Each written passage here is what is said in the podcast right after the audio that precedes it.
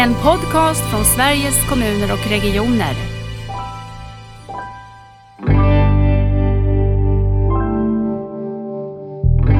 Jag skulle önska att fler vårdcentraler tar efter den modellen. Det är också roligt tror jag som sjuksköterska att få bygga upp sin egen mottagning.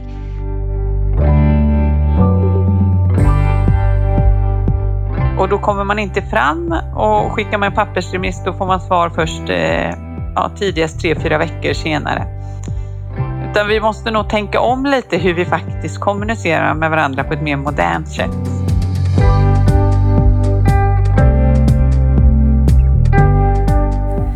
Hur kan vi skapa bättre och smartare vägar för att patienter ska få vård på bästa sätt när de behöver det? I det här avsnittet av eh, podden får vi inspireras av den digitala hjärtronden på Salgrenska där Sara Bentzell och Annika Ravn Fischer har byggt upp en digital kanal där specialister inom hjärtsjukvården och personalen inom primärvården får direkt kommunikation med varandra. Så välkomna Sara och Anna. Tack så mycket. Tack så mycket. Ni får börja berätta vilka ni är. Jaha, ska jag börja Sara? Jag börjar du Annika. Ja. Annika Ravn Fischer heter jag. Jag är kardiolog och har jobbat på Sahlgrenska i över 20 år. Och första delen av eh, min karriär ägnar jag mycket till hjärtintensiv vård och trimma in den första delen av vårdkedjan eh, i kontakt med ambulans och så. Eh, senare delen har jag ägnat mig mycket åt sekundärprevention och tillsammans med Sara föddes denna idén att supporta primärvården bättre än vad vi har gjort historiskt. Vi kommer komma mer till det, men vi är kardiologer på Sahlgrenska båda två. Varsågod Sara. Ja, och eh, Sara Benzel heter jag då och är som sagt också kardiolog på Sahlgrenska. Men jag har inte varit här alls lika länge som Annika. Det var faktiskt Annika som drog mig hit för ungefär två år sedan. Innan det var jag på Mölndals sjukhus som är ett litet mindre sjukhus. Eh, men nu är jag på Sahlgrenska och jobbar eh, med hjärtintensivvård men också mycket med sekundärprevention och uppföljningen hos patienter efter de har haft en hjärtinfarkt. Jag har varit kardiolog i eh, ett och ett halvt år snart och tycker att det är superroligt både att jobba med det här akuta på hjärtintensiven men också framförallt med uppföljningen och brinner lite för det här att se till att patienter får en bra uppföljning på lång sikt. Mm. Och jag, jag och Sara är med i vårt regionala processteam i Västra Götaland där vi sysslar mycket med sekundärprevention och hur vi ska få det att fungera i vår region och hur vi ska få patienten att förflytta sig sömlöst mellan specialistsjukvård och ut i primärvården och rigga en så bra vårdkedja det bara går. Och i den konstellationen föddes de här tankarna med den digitala eh, hjärtronden och vi har också haft patientrepresentant med i hela detta förloppet, vilket oh. känns kul och har varit en väldigt bra input för oss. Nu säger ni så mycket olika spännande saker som jag tänker att vi behöver prata om. Men innan vi gör det tänkte jag lite så här, vem är människan bakom dessa eh, engagerade hjärtläkare? Sara, vad gör du när du inte får göra detta roliga på jobbet? Oh, ja, men då är jag med mina eh, två barn och min man.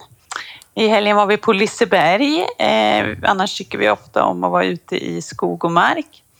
Eh, Ludvig är 11 år och Otto, min yngsta, är 9 år. Mm. Eh, och, ja, men vi, vi är väldigt mycket tillsammans. Jag tycker det är så roligt att, att hänga med dem och annars så har jag också ett stort socialt umgänge. Tycker om att träffa mina vänner. Mm. Eh, jag tränar lite, inte lika mycket som Annika tror jag inte, men jag springer lite ibland eh, och gör lite styrketräning. Mm, jag, blir man... ja. jag, bor, jag bor i Mölndal, men väldigt nära Sahlgrenska. Okej. Okay. Det låter som ett härligt och aktivt liv. Annika, vad tränar du då när du tränar så mycket? Ja, det är en liten myt att jag tränar så mycket. Jag vet inte hur, hur det har blivit så. Eh, nej, men jag, jag har nog svårt att sitta still, det tror jag. Eh, jag tycker det är väldigt roligt med idrott och det tycker vi hela vår familj faktiskt. Eh, mina barn är vuxna, bor hemma fortfarande men vuxna. Så att de sköter sig själv mycket men, men de idrottar de också så att det är mycket titta på fotboll och ja, tvätta fotbollskläder. Är det. Men det är väldigt skojigt. Och får, får jag välja, har jag en hel fri dag ledigt så spelar jag gärna golf eller är på gymmet eller så. Jag tycker det är roligt att röra på mig. Jag mår bra av det. Men hockeyintresset är inte, intresset är inte så stort. Tänk dig, SHL har dragit igång och ni vet, jag är Luleåbo och eh, bor granne med svärföräldrarna till Frölundas tränare. Så att vi, här är det mycket hockey. Igår vann Luleå. Mm. I Göteborg är det mycket hockey generellt, men inte Ja. just i min eh, lilla familj. Nej, så är det. Jag konsumerar en hel del tv-sport också, så jag har noterat att hockey är stort i Luleå, både på, på dam och herrsidan då. Men Ja. damerna har kommit starkt också. Det är ju så det är roligt. Det är kul. Hörrni, jag tänker att ett ord som ni använder båda när ni berättar om er själv, det är ett intresse för sekundärprevention. Om ni skulle sätta in oss lyssnare lite grann i, vad tänker ni när ni tänker, vad menar ni när ni säger sekundärprevention? Ja, alltså, jag kan börja. Om, om man kommer in med proppigt kranskärl så är det bråttom, bråttom, bråttom på att få på flödet för att annars så dör hjärtmuskelcellerna och det här, den här döden av hjärtmuskelceller inträder 20 minuter efter att det blivit bomstopp i ett kranskärl. Så då åker man in, kanske gör en ballongvidgning eller en akut bypass, men oftast ballongvidgning, får på flödet. Och då har man liksom rensat rören. Det är som en rörmokare som står i köket då med en så- sån här eh, viska eller vad det heter och, rensar i rören. Men om man inte förebygger det som orsakar stoppet så kommer det snart bli stopp i röret igen. Precis som hemma i köket. Och det är där sekundärpreventionen kommer in. Vi vill liksom förhindra att man får en ny hjärtinfarkt. Och det har skett en enorm utveckling inom det sekundärpreventiva fältet så nu har vi faktiskt väldigt mycket att erbjuda. Och det är billiga insatser med väldigt stor effekt och betydelse för patienterna. Så, att, så det får vara en introduktion. Du, Sara, du får flika in. Ja. Nej, men absolut. Och I dagens Sverige så lever också patienter eller människor generellt med patienter som har överlevt en hjärtinfarkt betydligt längre än vad man gjorde bara för 10-15 år sedan. Och återinsjuknandet är ju då viktigt att förebygga att man inte får en ny hjärtinfarkt och att man lever så gott man kan om man får sin hjärtinfarkt vare sig man är 40 år eller 50 år eller 80 år Mm. så har man mycket att vinna på att se till att det här inte kommer tillbaka. Och då finns det som Annika säger billiga och enkla strategier att använda. Men det är bara viktigt att vi ser till att, att de här patienterna får den vården. Just det. Inkluderar ni hela det som man kallar rehabilitering i, i det sekundärpreventiva? Ja, Hjärtrehabilitering. Ja, ja. Eh, Och, och det är otroligt viktigt, det här teamet kring patienten. Det består ju av doktorer som jag och Sara förstås, men även av en engagerad kranskärlssköterska, engagerad fysioterapeut och sen kringfunktioner också i den mån det behövs. Tobaksavvänjare, dietist, psykolog och så. Men, men kärnteamet består av kranskärlssköterska, doktor och fysioterapeut. Och det är otroligt viktigt eh, att alla dessa finns i teamet kring patienten för bästa resultat. Och första tiden så följs ju patienten eh, på sjukhuset eller sjukhusbaserad hjärtrehabilitering. eh, med ofta en kardiolog som leder det teamet som i vårt fall. Men efter ett tag, det är lite olika på olika håll i Sverige, så remitteras man ju ut till primärvården. Mm. Men det är ju lika viktigt att det finns de resurserna där Mm. att ta hand om patienterna.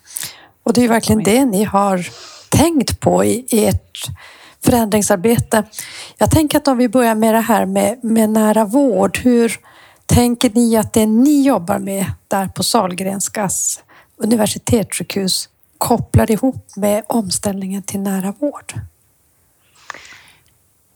Ska jag börja? Ja, gör det. Ja, jag, jag tänker så här att för att vi ska klara att ge den vården och de, använda våra resurser på ett vettigt sätt eh, med en åldrande befolkning där vi också har möjlighet att göra mer och mer interventioner och, och eh, ingrepp på patienter så är det viktigt att den nära vården, det vill säga vården som står närmast patienten eller primärvården fungerar väl.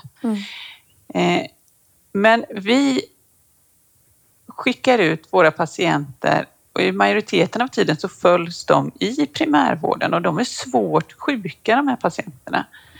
Eh, många, det är en belastad primärvård och det är många patienter som är svårt sjuka och då är det viktigt att vi finns tillgängliga för att kunna hjälpa primärvårdsläkaren som ibland kan bli ganska ensam mm. ute på sin vårdcentral. Eh, det är vår skyldighet som, som hjärtläkare att se till att, att vi hjälps åt. Mm. Och för att den, den nära vården ska fungera så tror jag att det är obligat att vi finns tillgängliga. Mm. Hur tänker du och vi, så, vi såg att så inte var fallet och vi har historiskt, eh, vi specialister, varit ganska otillgängliga för primärvården. Eh, just där jag och Sara jobbar, där har vi en konsulttelefon som sätts på mellan 1 och 4 och den tutar alltid upptaget, så, så eller ja. ofta upptaget i alla fall. Så det är ingen bra Eh, inget bra sätt att bistå primärvården. Och, och, det var lite så den här tanken på de digitala hjärtronderna uppstod, att vi ville i lugn och ro sitta ner, bjuda in primärvården på ett möte där vi är två bedömare, jag och Sara, där de i lugn och ro kan ställa sina frågor. Vi kan dela skärm, de kan visa EKG som de vill ha hjälp med att bedöma vi kan titta på gemensamma eh, läkemedelslistor eller labbprover eller så. Och, och, det här är ju riktiga patientfall vi diskuterar så att det är lösenordsskyddat eh, plattform som inte går att hacka. Det känns ju viktigt för, mm. eh, för patienternas integritet då helt enkelt.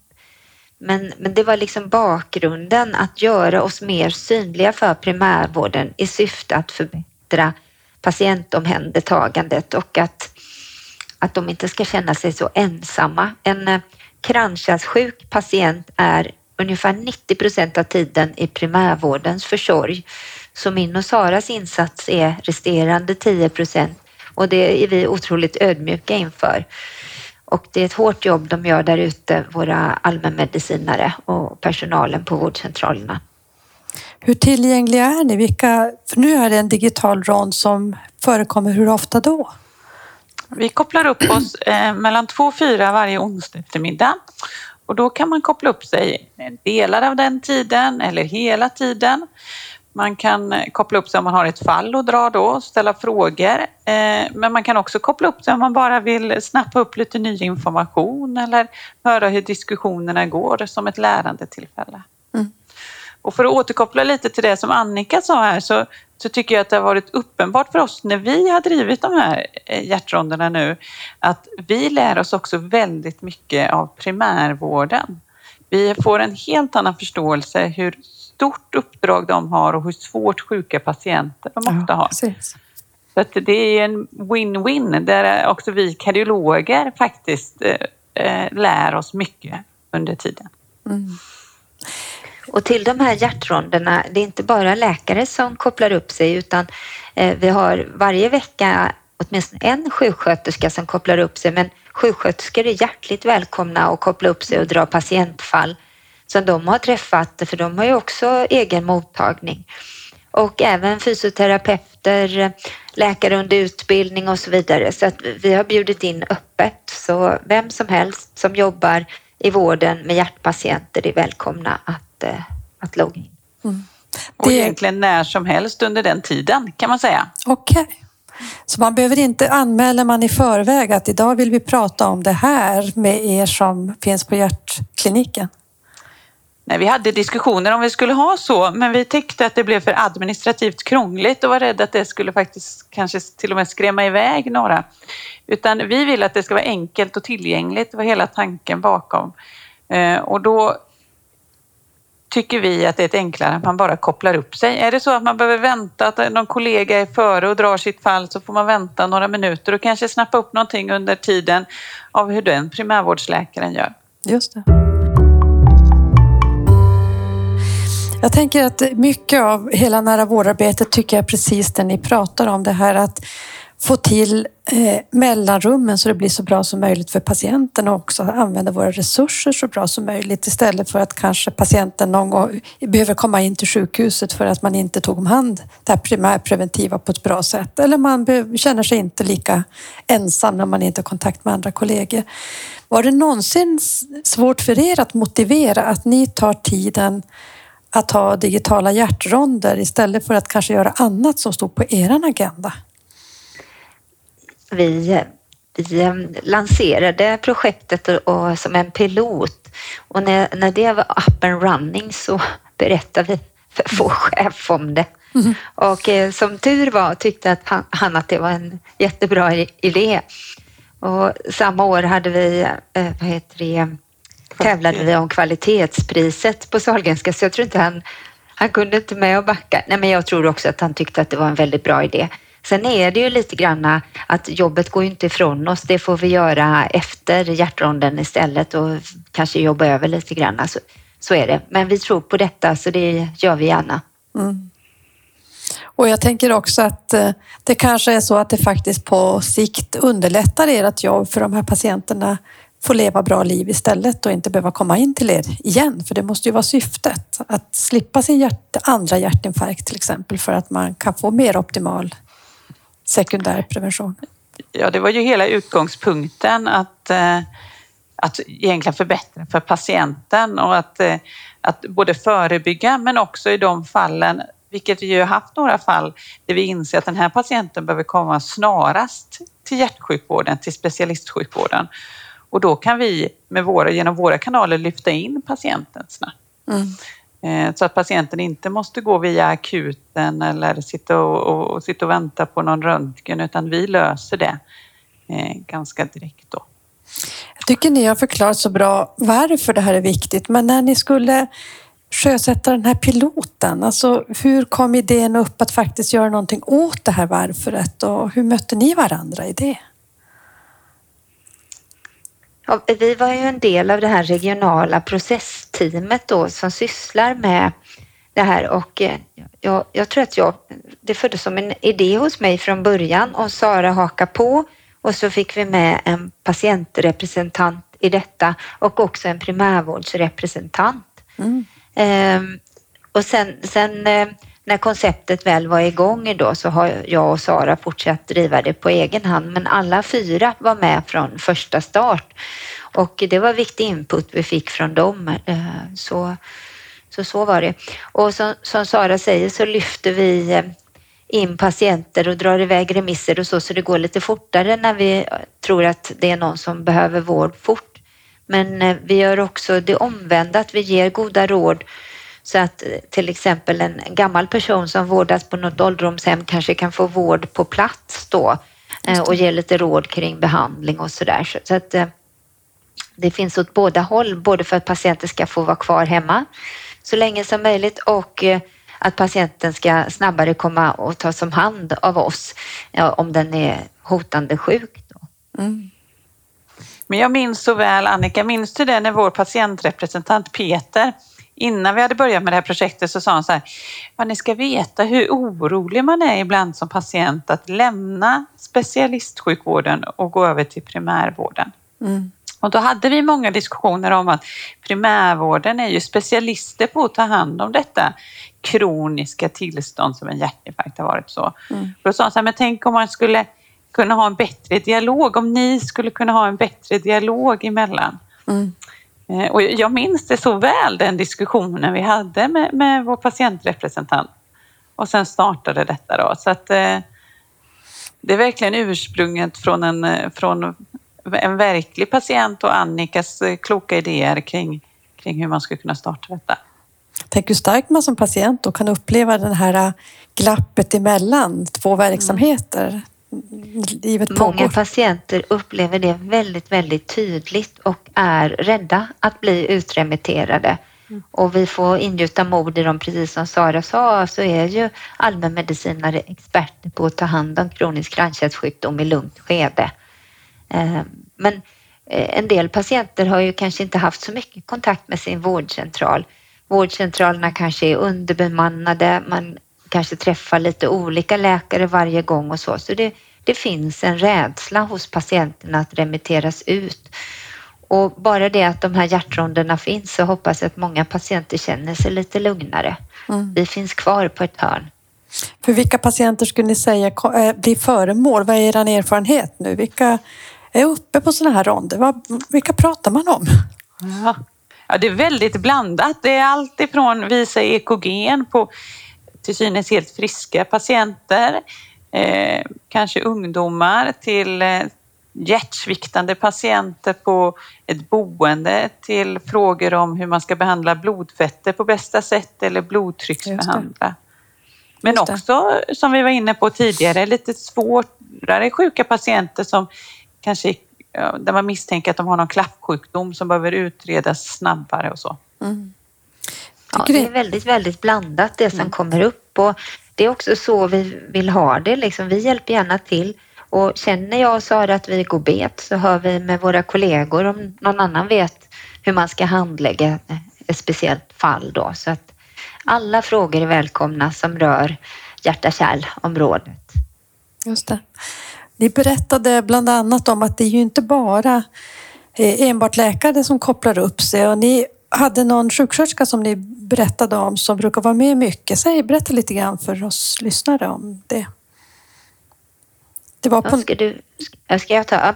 Eh, jo, vi har en eh, sjuksköterska på Backa vårdcentral. Hon har tidigare jobbat hos oss på Sahlgrenska på hjärtområdet och nu har hon startat en egen hjärtmottagning på sin vårdcentral som är en ganska stor vårdcentral. Så hon har egna hjärtpatienter som hon tar hand om och eh, så rundar hon dem kan man säga med, med oss varje vecka. Och så bollar hon givetvis med de läkarna som har ansvaret på vårdcentralen så att de tycker att det är okej. Okay. Och det är också de läkarna som skriver remisser och recept oftast och sådär. Eh, men, men hon kopplar upp sig varje onsdag och, och drar lite patientfall. Och det är väldigt kul tycker vi. Mm. Effektivt sätt att jobba. Så jag skulle önska att fler vårdcentraler tar efter den modellen. Det är också roligt tror jag som sjuksköterska att få bygga upp sin egen mottagning på, i primärvården på det sättet som Katarina har gjort. Och jag vet att hon gärna pratar om sin verksamhet och hur hon har gjort och hur hon har byggt upp detta för de som är intresserade. Mm. Ja, jättebra tankar att också kunna lyssna på, på det perspektivet. Har ni någon bild av eh, hur stor del av primärvårdens patienter som har hjärt och kärlproblematik? Kan ni någon sån siffra? Eller? För jag tänker det borde vara en ganska stor del av deras patientklientel. Ja, alltså hypertoni har ju 70-80 procent av alla i övre medelåldern. Mm. Eh, och hjärtinfarkt det, och sånt kranskärlssjukdom vet jag faktiskt inte. Vet du det Sara? Nej, men det är ju den vanligaste dödsorsaken fortfarande i Sverige och det är ju Eh, en stor del av Sveriges befolkning som mm. har hjärt-kärlsjukdom. Mm. Då inkluderar man ju även annan typ av kärlsjukdom som stroke eller eh, perifer kärlsjukdom och så. Mm. Men, men det är ju oerhört vanligt. Och det är ju också, tror jag, en vanlig sökorsak även om patienten faktiskt inte är hjärtsjuk. Ja, att man söker med olika symptom som skulle kunna härröras till hjärtat där vi kan vara hjälp och lugna både primärvårdsläkaren, men det kan också vara lugnare för patienten att, att primärvårdsläkaren kan säga att jag ska prata med mina hjärtkollegor och så mm. återkommer. Väl så viktigt, tänker jag. Mm. Vad, vad var det största motståndet? Har ni mött något motstånd? Eller? Ja, det, det, största motståndet vi har stött på det är att vi har mejlat ut om de här eh, digitala hjärtronderna och vilka länkar man ska använda till alla 84 vårdcentraler i Storgöteborg och Mölndal. Mm. Och då har vi märkt att det har fastnat. Vi har mejlat cheferna på respektive enhet att det har fastnat där och inte gått vidare ut i verksamheten.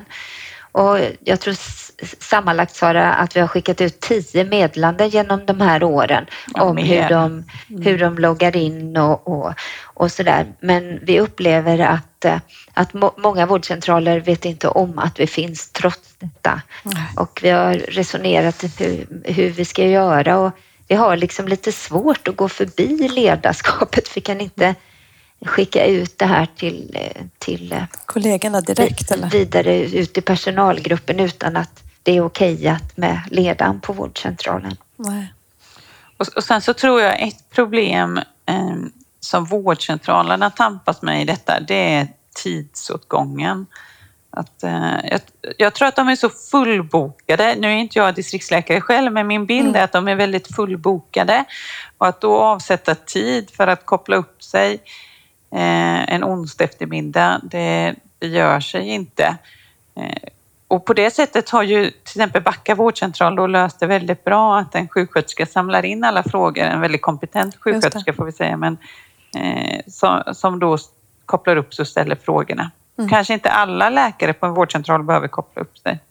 Precis. Men, men, ibland tror jag att det sitter kvar den här gamla traditionen i hur vi kommunicerar med varandra. Att, att om distriktsläkaren har en, en patient så vill man genast skicka iväg en pappersremiss eller man vill genast ringa en konsult eh, och då kommer man inte fram och skickar man en pappersremiss då får man svar först eh, ja, tidigast tre, fyra veckor senare. Mm. Utan vi måste nog tänka om lite hur vi faktiskt kommunicerar med varandra på ett mer modernt sätt. Mm. Verkligen, att också tänka att det skulle kunna vara en del av schemaläggningen eller en del av våra arbetssätt. Det är ingenting som ligger på något sätt om vi hinner. Nej. Vad skulle du säga Annika? Som Sara sa där så är det svårt att hitta tid, men det tar ju faktiskt bara en kvart och man kan koppla, koppla upp sig när man vill mellan två och fyra, så det behöver inte ta så lång tid. Nej. Men de, de, är nog tyvärr väldigt, väldigt fullbokade i sina agendor. Mm. Men jag tror att det som, som du är inne på Sara, att det sitter också i att när vi ska ändra arbetssätt, då måste vi kanske, då är det inte bara att tillföra någonting, vi måste ändra radikalt också i, i delar av våra andra arbetssätt. Mm. Och att vi skulle vinna så mycket på det.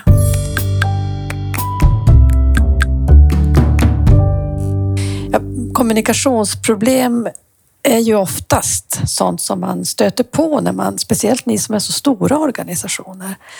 Men att det ändå inte är större motstånd, det tycker jag att det får man ta med sig. Att det här är någonting som eh, borde gå att genomföra eh, på många ställen runt om i, i Sverige, inte bara runt om i Västra Götalandsregionen. Mm. För vad tänker ni är nästa steg för er? Vad vill ni tänka i den här utvecklingen?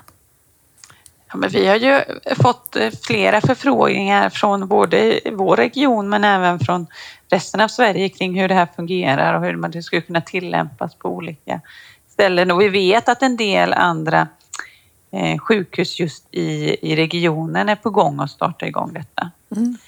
Vi tror ju på att det är bra att ha en lokal förankring. Annars hade vi ju kunnat koppla upp oss antingen mot hela VG-region eller alltså Västra Götalandsregionen eller mot hela Sverige. Eller man hade ju kunnat tänka hur stort som helst. Men, men vi tänker att det är bra att ha en lokal förankring där vi vet hur rutinerna går till just hos oss och vi kan hjälpa till med de här enkla medlen att lösa olika saker. Mm.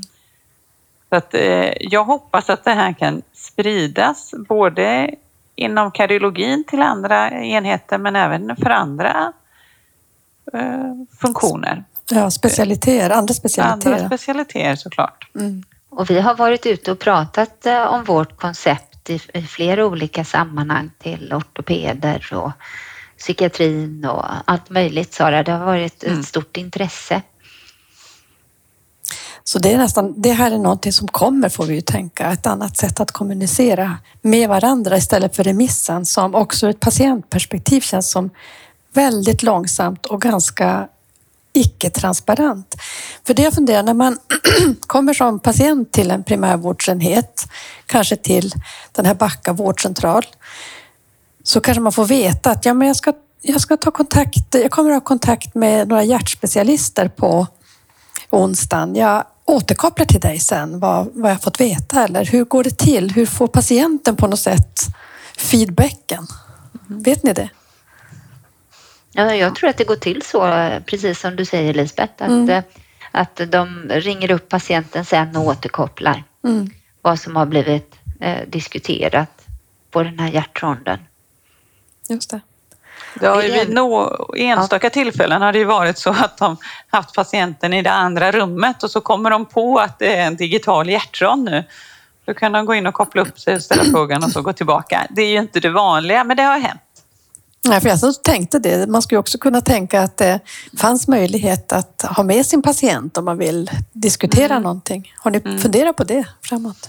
Det, det är mer utifrån den här patientsekretessen som vi eh, har valt att inte ha det så för att eh, det är ju viktigt att det bara är vårdpersonal som kopplar upp sig i detta och som, som har en sekretessskyldighet. Mm. Just det. Men, men konceptet kan säkert byggas ut till att ha digitala hjärtronder med patient, det tror jag egentligen. Mm. Eh, Men som sagt, vi har valt det så eh, för då, då skulle man mer kunna ha fixa tider då och, och speciallänkar, en länk för varje patient så att Just säga. det. Som inte, så det går säkert att hitta tekniska lösningar på det, det tror jag. Och, och det tror jag på något vis i framtiden. Jag tänker på dig Lisbeth som jobbar i, i Norrland där det är enorma avstånd. Mm. Tänk om patienten kunde koppla upp sig på webben och man kunde ha ett trepartsmöte med Visst. distriktsläkaren och ansvarig specialist, vare sig det är en kardiolog eller en ortoped eller något annat. Det vore ju väl fantastiskt. Verkligen. För att ur ett patientperspektiv så slipper man dels väntan på den här remissen som ofta känns som ett vakuum. Sen är det ju resor. Jag menar, det, kan, det är ju oftast en hel dag som går åt för en patient, i alla fall uppe hos mig. För att åka till den här specialisten för att sen komma tillbaka och vänta på att få egentligen vad blev vår gemensamma bild av det här med sin, allmän, sin distriktsläkare. Så det är ju jättespännande att tänka det. En annan sak som jag tänkte på det är ju det primärpreventiva perspektivet. Hur kommer all den kunskap som ni har om att inte insjukna igen efter sin hjärtinfarkt? Eh, hur skulle den kunna också nyttiggöras bättre för att inte ens få sin första hjärtinfarkt? Finns det, har ni sån kompetensutveckling mellan varann? Sitter ni på, på den kunskapen eller är det Ja, andra? det, hän- det händer att om det finns tid och så att vi uppdaterar lite vad som har hänt i vår värld. Nya guidelines och så. Att vi eh, ja, föreläser lite för, för, för de som eh, lyssnar in just då. Eh, om vi har tid. Och vi har också ibland haft med oss något spännande fall, Sara, som har varit illustrativt på något sätt som vi vill skicka med primärvården. Just det. Eh, Men eh, det, det handlar ju mycket om sekundärprevention. Jag håller med dig Lisbeth, det vore väldigt kul ut och prata med primärprevention. Mm. Eh, och det, det kommer lite sådana, vi kom just hem från vår stora hjärtkongress i Amsterdam där de har utvecklat lite verktyg för att, att mäta risk att, att insjukna i hjärtinfarkt som är till för primärvården att använda då så att man ska haja till och tänka här, här behövs det insatser och vara noga med då blodtryck och blodfetter och blodsocker och få patienterna att anamma hälsosamma levnadsvanor. Så lite sådana saker som är inriktade på primärprevention har faktiskt kommit nu det sista. Mm. För jag tänker på att allt fler regioner inför hälsosamtal vid fasta åldrar i primärvården. Och mycket handlar ju då om att eh, inte få sklerotiserade kärl och, och hjärtsjukdom och vad man kan göra. Så att det- finns säkert någonting där man ska kunna koppla ihop er kunskap också. Mm. I det. Ja, det gör det säkert. Sen är det ju viktigt att de som verkligen behöver hälsosamma levnadsvanor är kanske inte alltid de som kommer på den uppmaningen. Nej, Så man måste ju hitta eh, de som egentligen har högst risk det har du rätt i. ute primärpreventivt. Eh, och det är kanske inte alltid de som, eh, som har det bäst ställt och som, eh, som kommer eh, till sin Nej. vårdcentral och som har en bra kontakt med sin distriktsläkare. Och så. Nej. Nej, det har du rätt i. Verkligen, det måste man tänka på. Fast Om ni- hälsosamtal är nog alltid bra men att, att man verkligen bemödar sig med att nå ut till de som är traditionellt svåra att nå. Mm. Eh, Det, och också att man erbjuder hälsosamtal på kanske lite andra språk eller med tolk och, och sådär så att man inte utelämnar grupper i samhället. Nej, precis. Och kanske olika sätt och metoder också, mm. tänker jag. jag ska tänka. Om ni skulle förklara den största vinsten ni har sett med eh, det här arbetssättet, vad skulle ni säga då?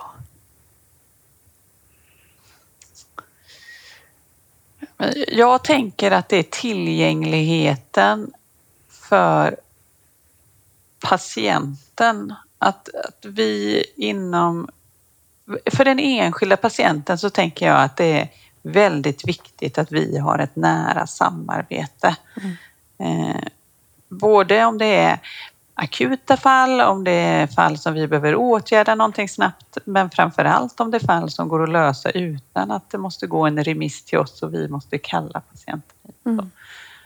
Eh, sen så kan man säkert räkna på, det har inte vi gjort riktigt, om vi har minskat antalet konsultremisser till oss eller eh, på det sättet och vilka ekonomiska eh, vinningar det finns. Men i slutändan så, så tror jag att sådana här initiativ som också gör att vi närmar oss varandra och minskar det här glappet som du har pratat om Lisbeth, mm. som jag ibland brukar kalla helveteskapet när man ska ja. försöka nå varandra.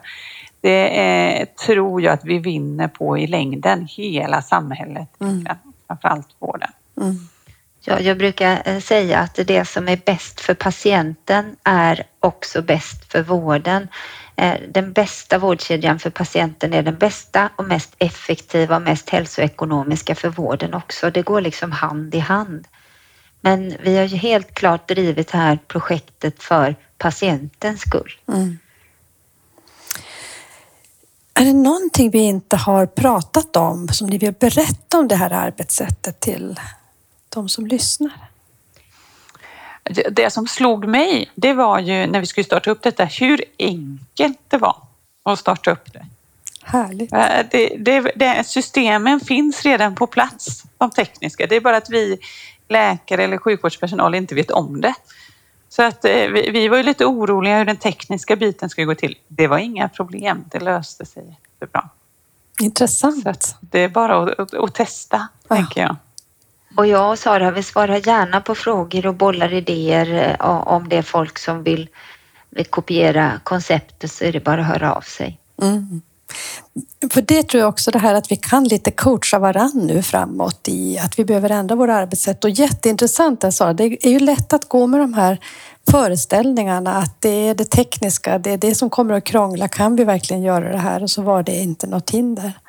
Jättespännande. Jag tycker också att när jag lyssnar på er så tycker jag att det blir så tydligt att det här också hjälper de allra sköraste som kanske har kommunal hemsjukvård eller bor på särskilt boende eftersom de har ju sin, sin allmänläkare i den regionala primärvården så att vi får tag i på något sätt alla patientgrupper och framåt skulle man kunna tänka att det kanske finns sjuksköterskor på särskilt boende som har många personer med med hjärtsvikt eller svår eh, hjärtproblematik som skulle vara bekänt av att kunna vara med på era ronder också, kan jag tro.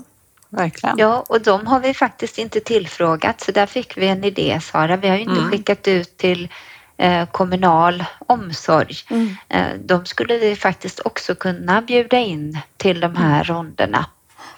För vi har ju verkligen att, att öka den medicinska säga, kompetensen i den kommunala hälso och sjukvården är ju viktig och det är 37 procent av svensk primärvård ges med kommunerna som huvudman. Så jag tycker att här finns det mycket att, att fortsätta verkligen. tänka kring. Eh, hörni, vad är nära för er skulle ni säga som en slutfråga? Jag ska jag börja? Nära för mig det är egentligen en känsla att man betyder något för någon och att eh, det finns tillgängligt, vare sig det är en person eller eh, en institution eller en känsla att man har nära till sitt känsloregister eller sina eh, emotioner. Så att jag, för mig är det, ger det en trygghet om någonting är nära. Mm. Tack Annika. Vad är nära för dig? Ja, nära, det är att finnas till för någon och att någon finns till för en själv. Trygghet är bra också, men sen tänker jag också att det är ett mål som är inom räckhåll. Om man tänker lite mer liksom utvecklingsmässigt att det faktiskt är inte omöjligt. Det är något som går att nå, något som går att göra. Eh, något som är nära, det är ett väldigt positivt ord tycker jag. Mm. För mig. Mm. Stort tack! Tack för att ni inspirerar mig att våga göra på nya sätt. Tack för att ni var med i podden. Tack så mycket. Tack för att vi fick vara med.